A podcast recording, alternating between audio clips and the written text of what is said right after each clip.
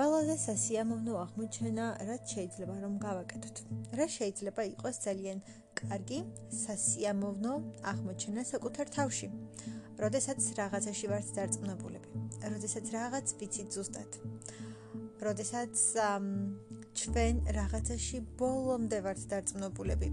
ეს ეხება რაიმე საკითხს, საქმეს, საკუთარ თავს, თუ რასაც არ უნდა ეხებოდეს, როდესაც ვართ რაღაცაში ბოლომდე დარწმუნებულები, ეს არის ძალიან ძალიან სასიამოვნო გრძნობა. როდესაც საკუთარ თავს ძალიან კარგად ვიცნობთ და თითქმის ბოლომდე და ეს შეგვიძლია თამამად ვთქვათ, რომ ყველაფერი ვიცით საკუთარ თავზე, ყველა კითხვაზე გავეცით პასუხი და ჰარმონიაში ვართ საკუთარ თავთან. როდესაც უბრალოდ ძალიან თავდაჯერებულები ვართ, თავდაჯერებულები საკუთარ თავთან მიმართებით და როდესაც უბრალოდ შეგვიძლია ვთქვათ, რომ ეს ესია, ის ისია და ასე შემდეგ და ასე შემდეგ. როდესაც ზუსტად ვიცით, რა გვინდა რომ ვქნათ, რა გვინდა რომ გავაკეთოთ, რა გვინდა რომ მივიღოთ, რისკენ მივდივართ, რატომ მივდივართ აქეთ და რა გვინდა რომ იყოს ჩვენი საბოლოო შედეგი. როდესაც უბრალოდ გადაწყვეტილება როდესაც უბრალოდ აი ეს გადაწყვეტილება ძალიან მარტივად მიიღება ხოლმე, იმიტომ რომ ზუსტად ვიცით რა გსურს. როდესაც ძალიან ჩამოყალიბებულები ვართ და როდესაც ძალიან დარწმუნებულები ვართ საკუთარ თავში, ეს არის ზუსტად ის, რაც ყველაზე მეტად შეიძლება რომ მოგწონდეს, ყველაზე მეტად გვიყვარდეს და ყველაზე სასიამოვნო აღმოჩენა იყოს ჩვენთვის, იმიტომ რომ რაღაც ძალიან სასიამოვნო აღმოვაჩინეთ. ეს არის ერთ-ერთი ის მომენტი, როდესაც ჩვენ ძალიან კარგი ემოციები გვაუფლება. როდესაც ჩვენ ზუსტად ვიცით, რა გვინდა, რატომ გვინდა და უბრალოდ სრულიად აბსოლუტურად ჩამოყალიბებულები ვართ და დარწმუნებულები რაც მთავარია, როდესაც როდესაც მართლა ძალიან ძალიან კარგად ვიცით, რა, რატომ, რისთვის, როგორ, რას ვაკეთებთ, რატომ ვაკეთებთ. რა არის ჩვენი მიზანი, მოტივი? და ზოგადად, როდესაც უბრალოდ გარკვეულები ვართ საკუთარ თავში. და რატომ არის ეს ყველაფერი ამდენად მნიშვნელოვანი? იმიტომ რომ საკუთარი თავის გაცნობით იწყება ყველაფერი. როდესაც საკუთარ თავს ბოლომდე გაიცნობ, როდესაც საკუთარ თავს მიიღებ, როდესაც საკუთარ თავს შეიყვარებ და პატივს სცემ, იქიდან უფრო მეტი რამ დაიწყება. უფრო მეტი წინსვლა, უფრო მეტი მიმღებლობა, ნებისმიერი ადამიანის ხრიდანაც დაფასება, უფრო დიდი წარმატება, იმიტომ რომ შენ შენ აბსოლუტურად ჩამოყალიბებული ხარ და ზუსტად იცი, რას აკეთებ, რატომ აკეთებ, როგორ აკეთებ და საერთოდ რა გინდა. შესაბამისად, სხვა ადამიანები უფრო მეტად გცემენ პატივს, იმიტომ რომ შენს საუბარში, შენს ხმაში, შენს ტონში შეიმჩნევა ეს თავდაჯერებულობა და დარწმუნებულობა და არა ეჭვები და კითხვები და დაურწმუნებლობა და რომ შენც არიცი ზუსტად და ასე შემდეგ და ასე შემდეგ შესაბამისად ხვებიც უფრო მეტად გენდობიან და შენც რა თქმა უნდა უფრო თამამად და უფრო მყარი ნაბიჯებით მიიწევ წინ და უფრო მეტ წარმატებას აღწევ. როდესაც საკუთარ თავთან ხარ ჰარმონიაში და როდესაც საბოლოოდ აღმოაჩინე და მიაგენი იმას თუ რა გინდა და რა გინდა რომ ქნა, რა გინდა რომ გააკეთო, რა გინდა რომ მიიღო და რას გინდა რომ მიაღწიო, უფრო მეტად ჩამოყალიბებული ხარ და შესაბამისად უფრო მყარად მიდიხარ იმ ყოველფრისაკენ და უკვე ზუსტად იცი რა გინდა რომ მიიღო ამ ცხოვრებაში, საით გინდა რომ წახვიდე და რა გინდა იყოს შენი ქმედებების შედეგი. და ეს არის ყველაზე ბედნიერი მომენტი ზუსტად იმიტომ რომ შენ საბოლოოდ აღმოაჩინე ის რაც უნდა აღმოგეჩინა და რაც უნდა გეპოვა საკუთარ თავში. ალბათ შენი მთელი ცხოვრების მიზანი და საერთოდ რა ვიცი რაღაცები რაც უბრალოდ ბედნიერებას გმატებს და რაც უბრალოდ კარგად გხდის, რაც უბრალოდ ბედნიერებას განიჭებს და რითიც უბრალოდ გემატება ძალა რომ უფრო მეტად და უფრო თამამად იარო წინ, უფრო მეტად გადადგა ნაბიჯები და მიაღწიო იმ ნამდვილ ბედნიერებას, რომელიც გინდა და რაღაც ეტაპზე მაინც დაასრულო ძიება და უკვე შენ გზას გაუყვე და უბრალოდ იმ საქმიანობაში თუ იმ რაღაცაში აკეთო ის ყველაფერი რისი გაკეთებაც გინდა და ძიებაში დრო აღარ დაკარგო. ამიტომაც მე მგონია რომ ზოგადად საკუთარ თავთან შესაძ ხარ აბსოლუტურ ჰარმონიაში და როდესაც წინააღმდეგობები ქრება იმიტომ რომ საკუთარ თავთან ძალიან ხშირად ბევრი წინააღმდეგობა გვაქვს. ეს გვინდა ის გვინდა ამას ვაკეთებთ იმას ვაკეთებთ ამას ვერ ვაკეთებთ იმას ვიღებთ ამას ვერ ვიღებთ. ეს მოგწონს ის არ მოგწონს. და ანუ საკუთარ გარეგნულ და ასე ვთქვათ ჩინაგან მეს ძალიან ხშირად აქვს დიდი კონფლიქტი და წინააღმდეგობა.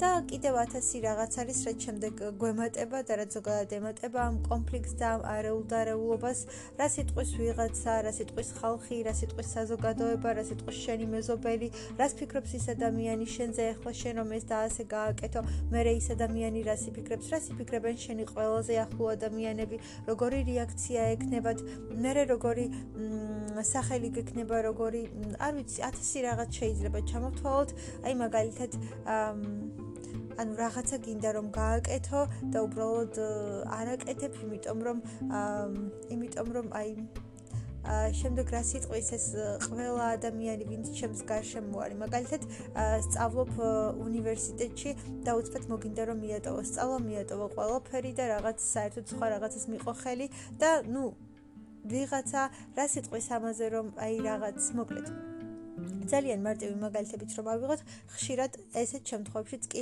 ძალიან ვითვალისწინებთ სხვების აზრს და რეალურად ამ შემთხვევაში არ ვაკეთებთ იმას, რაც რეალურად გვინდა, იმიტომ რომ ეს შეიძლება მიღებული არ იყოს, ან ეს შეიძლება ისე კარგად არ ჟღერდეს, ან ეს შეიძლება ასეთი იყოს, ისეთი იყოს და მოკლედ ძალიან გავხდეთ დამოკიდებულები იმ ყველაფერზე, რაც ჩვენ გარშემოა.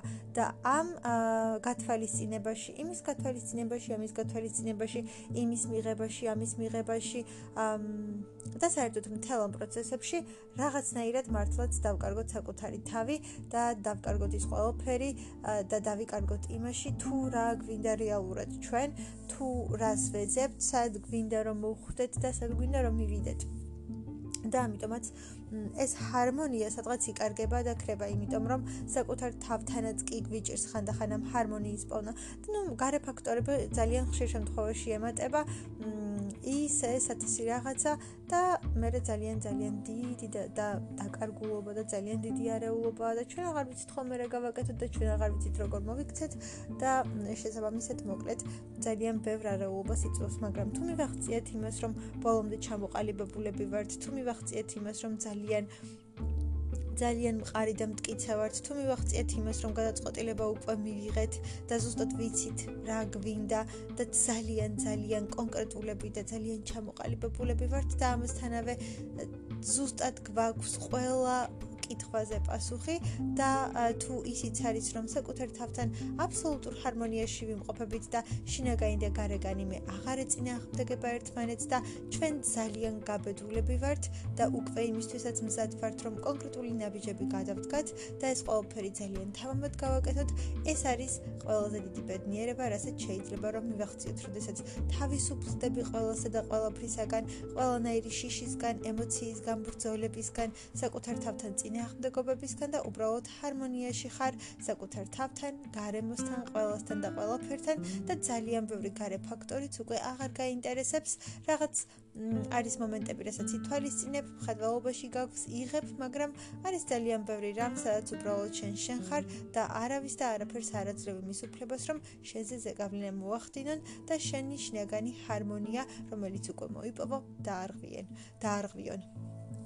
მოკლედ მგონია რომ ეს არის ზუსტად ის მომენტი, როდესაც უბრალოდ ძალიან კარგად ხარ და როდესაც უბრალოდ გარკვეული ხარ. გარკვეული, ჩამოყალიბებული და გადაწყვეტილი საკუთარ თავთან და აღარანაირი წინააღმდეგობა აღარ გაქვს და უბრალოდ შენ ძალიან მткиცეთ და მყარად ცდილობ რომ გააკეთო ყველაფერი ის რაც გინდა, ის რაც გიყვარს და უბრალოდ იყო შენ და იყო შენი თავი. ოღონდ თავარია ზუსტად იცოდე და ძალიან სწორად გასცე ყველა კითხვას პასუხი და ზუსტად იცოდე მართლაც რა გინდა და რატომ გინდა და რეალურად ეს არის თუ არა ის რაც მართლაც გინდა.